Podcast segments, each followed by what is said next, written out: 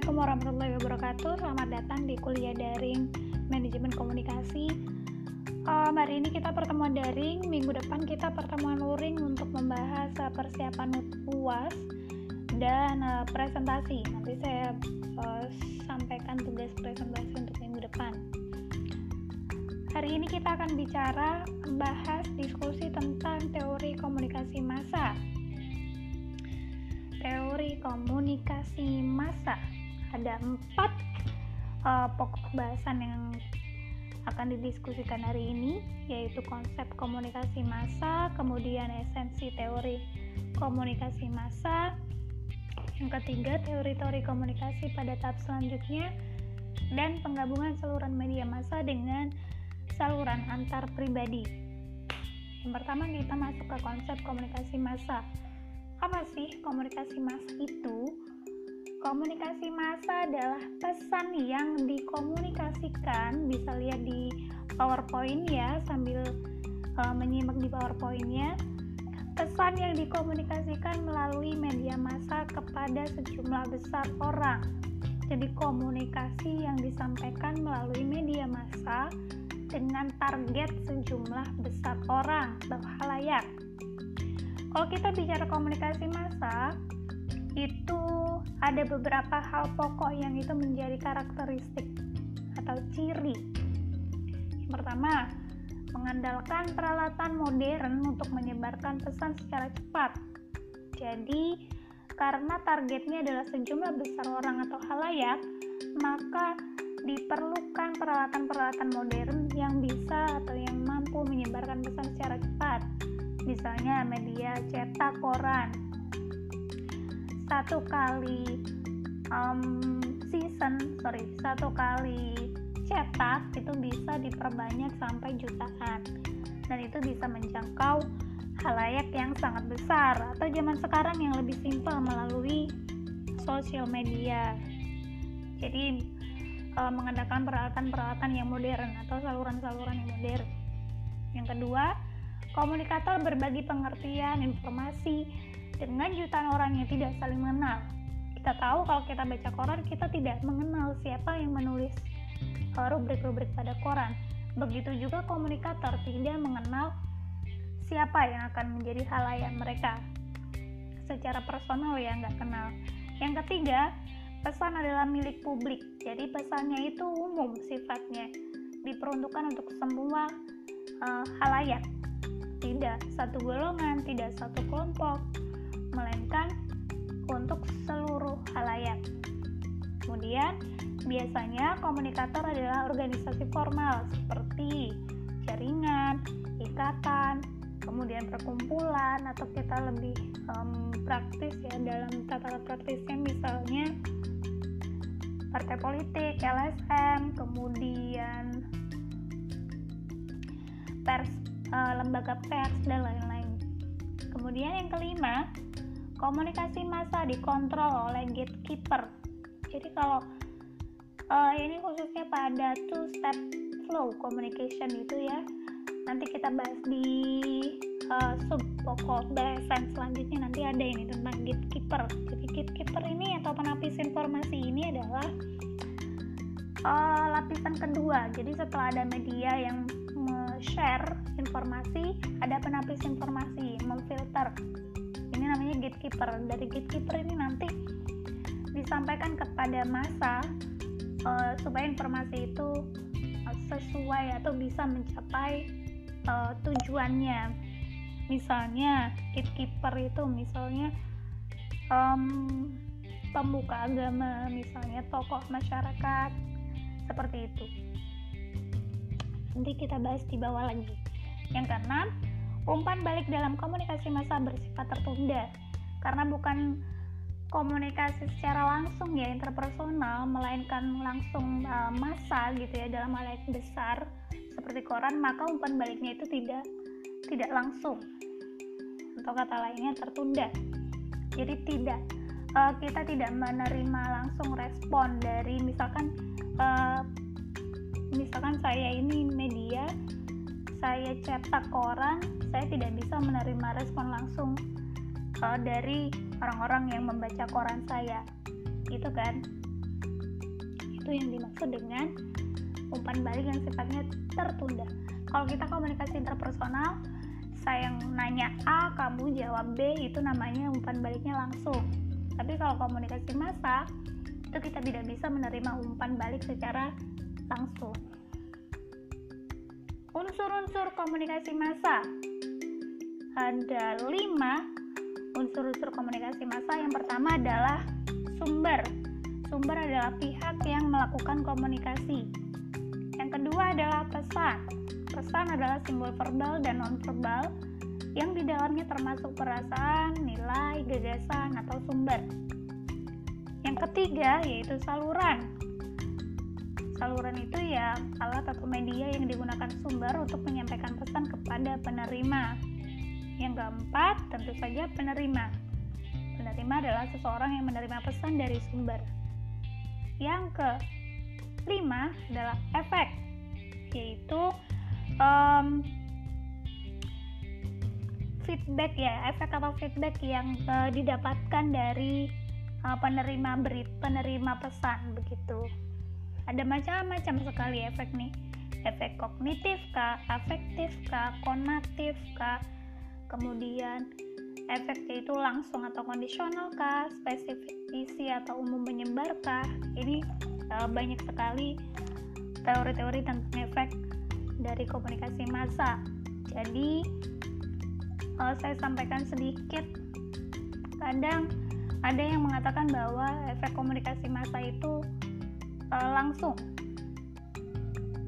Uh, jadi ketika saya memberi rangsangan A gitu ya maka nanti akan ada respons A. Jadi langsung itu maksudnya sesuai dengan apa yang uh, kita berikan. Jadi memberi penerima itu ada juga yang mengatakan bahwa um, tidak bisa seperti itu. Tidak semua yang kita berikan kita akan menerima karena um, yang menerima pesan itu memiliki kategori karakteristik yang berbeda-beda. Jadi ada banyak sekali efek dari komunikasi massa itu, sangat kompleks. Ini dia uh, ke slide selanjutnya ya, karakteristik komunikasi massa. Hampir mirip dengan yang saya sampaikan di atas tentang hal-hal yang uh, mencirikan banget komunikasi massa. Ini kita bicara karakteristik komunikasi massa yang pertama, komunikasi terlembaga. Jadi komunikasi itu umumnya tidak disampaikan uh, oleh satu orang, melainkan adalah satu lembaga. Jadi kalau komunikasi massa itu biasanya bukan dari satu orang personal, melainkan uh, mewakili ya, institusi atau simbol tertentu. Misalnya um, koran Tempo, maka itu adalah uh, institusi atau lembaganya adalah Tempo begitu jadi bukan mewakili personal. Kemudian yang kedua pesan bersifat umum yang saya sampaikan tadi. Yang ketiga komunikan anonim atau dan heterogen. Jadi komunikan atau penerima pesan benar ya tentu saja anonim. Kita tidak tahu siapa yang membaca koran-koran kita. Dan heterogen. Yang membaca koran itu kita tidak bisa pastikan siapa. Apakah hanya orang Islam, apakah hanya orang Kristen, apakah hanya orang Hindu? Tidak bisa. Karena uh, koran kita itu terbesar, uh, tersebar secara um, merata umum gitu ya. Di mana aja. Jadi orang yang membacanya tentu heterogen. Selanjutnya media massa menimbulkan keserempakan jadi maksudnya menimbulkan keserempakan ini adalah media massa itu kan dicetak dalam satu waktu kemudian di share atau disebar dalam um, satu waktu juga komunikasi massa itu. Maka uh, nanti akan menimbulkan keserempakan gitu ya. Jadi satu berita itu bisa dibaca oleh banyak halayak dalam waktu yang sama rempak begitu. Bersifat satu arah karena kita tidak seperti yang saya sampaikan tadi tidak memungkinkan feedback langsung jadi kita mencetak koran, kita tidak bisa saat itu juga kita menerima respon. Tidak seperti komunikasi interpersonal yang kita bisa ngobrol langsung ke dua arah begitu. Kemudian, stimulasi alat indera terbatas. Misalnya koran, maka stimulasi alat inderanya hanya pada penglihatan saja seperti itu umpan balik tertunda ini seperti yang tadi saya katakan bersifat setara itu tidak ada feedback yang bersifat langsung. Masuk ke subbab kedua esensi teori komunikasi massa.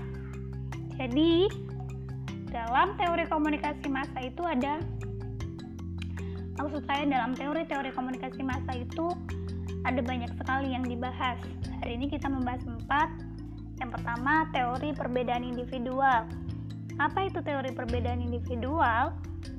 Jadi teori ini memiliki anggapan dasar bahwa manusia bervariasi dalam organisasi psikologisnya juga bervariasi sehingga um, respons yang diberikan terhadap um, berita kemudian uh, hal apa pun yang dikomunikasikan dalam komunikasi masa itu akan berbeda. Jadi satu hal misalkan A disampaikan kepada halayak besar maka responsnya itu tidak bisa seragam satu. Misalkan diharapkan responsnya B itu tidak mungkin. Karena teori perbedaan individual ini menyorot perbedaan karakteristik psikologis yang bisa mempengaruhi uh, memengaruhi cara berpikir dan cara menerima, cara menyerap pesan gitu. Kemudian yang kedua, teori penggolongan sosial. Apa itu teori penggolongan sosial? Jadi dalam teori ini Asumsinya adalah individu yang masuk dalam kategori sosial tertentu yang sama akan cenderung memiliki perilaku atau sikap yang kurang lebih sama terhadap rangsangan tertentu. Misalnya, um, ada apa ya demo buruh misalnya, kabar tentang demo buruh, kalangan buruh akan cenderung memiliki tanggapan yang positif terhadap uh, momen itu berita-berita yang berkaitan berkaitan dengan itu. Sementara yang bukan buruh uh, akan memiliki respon yang lebih beragam. Gitu karena yang uh, sesama buruh pasti memiliki tingkat solidaritas yang tinggi, kemudian empatis, merasa merasa senasib dan sebagainya. Yang ketiga, teori hubungan sosial. Menurut teori ini, pesan-pesan komunikasi massa lebih banyak diterima individu melalui hubungan personal dibandingkan dengan langsung dari media massa. Jadi, e, menurut teori ini, media massa itu tidak bisa efektif langsung memberi pengaruh terhadap orang-orang yang mengakses atau menerima pesan. Jadi, yang lebih efektif menurut teori ini adalah hubungan-hubungan sosial. Jadi, obrolan dari mulut ke mulut itu menurut teori ini lebih lebih um, efektif. Yang keempat ada teori norma dan budaya. Asumsi teori ini adalah informasi yang disampaikan media massa dengan cara-cara tertentu dapat menimbulkan kesan yang oleh halayak disesuaikan dengan norma dan nilai budaya. Jadi um, inform apa ya? komunikasi massa di sini memberi perhatian lebih terhadap uh, norma dan budaya di mana informasi ini akan diberikan begitu. Itu kita tadi bicara tentang teori komunikasi massa. Selanjutnya teori-teori komunikasi komunikasi massa. Teori-teori komunikasi, sorry, agak teori-teori komunikasi pada tahap selanjutnya. Nah, ini yang menjadi tugas teman-teman ada empat teori yaitu yang pertama empat teori pers kemudian teori belajar secara sosial kemudian teori agenda setting dan teori uses and gratification teman-teman nanti silakan membentuk empat kelompok dan masing-masing kelompok belajar dan merangkum teori-teori komunikasi di atas. Jadi nanti teman-teman dibagi empat kelompok. Masing-masing um, kelompok itu belajar teori yang berbeda begitu ya dari empat teori di atas itu. Kemudian silakan dirangkum dipelajari dan dirangkum kemudian persiapkan presentasi minggu depan. Gitu ya tapi meskipun ini tugasnya kelompok merangkumnya um, individu. Jadi rangkumannya seperti individual kemudian rangkumannya tulis tangan tidak diketik. Jadi silakan uh, masing-masing individu belajar belajar dan merangkum teori sesuai kelompok pembagian kelompoknya kemudian minggu depan dipresentasikan. Gitu ya. Nah sekarang uh, sebab yang terakhir itu ada penggabungan saluran media massa dengan saluran antara pribadi ini ada kaitannya dengan teori hubungan sosial. Tadi saya sampaikan di teori hubungan sosial itu katanya nih, menurut teori ini, um, misalkan koran masuk gitu ya, koran dibaca, itu tidak akan efektif kalau tidak disertai dengan uh, ada Pak RT, Pak RW atau orang yang berpengaruh, orang yang dianggap memiliki kompetensi cukup yang juga menyampaikan hal yang sama gitu. Jadi hubungan sosial itu menurut teori ini lebih um, memberi efektivitas yang tinggi untuk bisa memberikan perubahan perilaku sesuai tujuan dari komunikasi massa. Penggabungan saluran media massa dengan saluran antara pribadi itu disebut forum-forum media.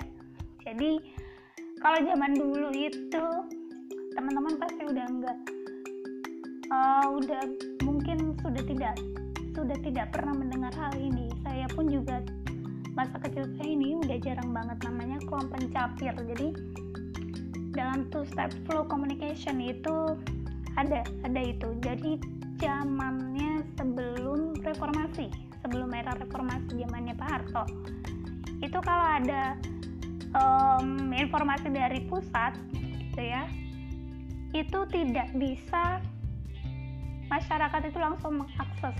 Dalam artian um, pemerintah itu betul-betul mengcover bagaimana caranya apa yang disampaikan itu bisa uh, efektif masuk di masyarakat. Caranya dengan two step flow communication. Misalnya kita punya inovasi pertanian misalnya. Ini karena ini biasanya uh, lebih sering digunakan dalam penyuluhan. Dalam hal inovasi pertanian misalnya pengenalan traktor gitu ya pengenalan traktor. E, maka inovasi traktor itu um, tidak kemudian langsung ke bawah tapi uh, two step gitu ya ada dua step. Jadi orang orang-orang dari pusat itu melatih gitu ya penapis informasi itu untuk memberi pengetahuan yang cukup tentang traktor begitu ya. Kemudian penapis, penapis informasi inilah yang turun ke masyarakat mengadakan penyuluhan menyampaikan eh, hal-hal uh, yang penting terkait traktor dan ini diharapkan dapat lebih berpengaruh efektif untuk masyarakat bisa berubah berganti dari uh, alat yang manual menjadi traktor gitu. Itu dirasa lebih lebih bisa lebih bisa apa ya lebih efektif lebih bisa mengubah perilaku daripada hanya uh, kita memberikan brosur uh, atau leaflet tentang traktor saja gitu. Maka uh, menurut menurut um, teori ini diperlukan forum-forum media. Jadi media itu tidak secara telanjang pergi ke masyarakat tapi dia uh, dibahas lagi dalam kelompok hubungan-hubungan sosial seperti itu. Jadi jenis forum media ada banyak sekali ya. Cuman di buku ini disebutkan ada forum radio, sekolah media massa, kelompok studi dan lain-lain. Misalkan forum radio, uh, kita bisa mendengar talk show seperti itu. Kemudian yang sering akhir-akhir ini terjadi karena masa pandemi misalnya webinar-webinar itu namanya forum media. Jadi uh, satu inovasi satu kejadian satu peristiwa itu tidak tidak telanjang tidak langsung masuk ke masyarakat tapi ada penapis-penapisnya dulu. Dengan uh, kemudian ada uh, hubungan-hubungan sosial yang erat itu dirasa akan lebih efektif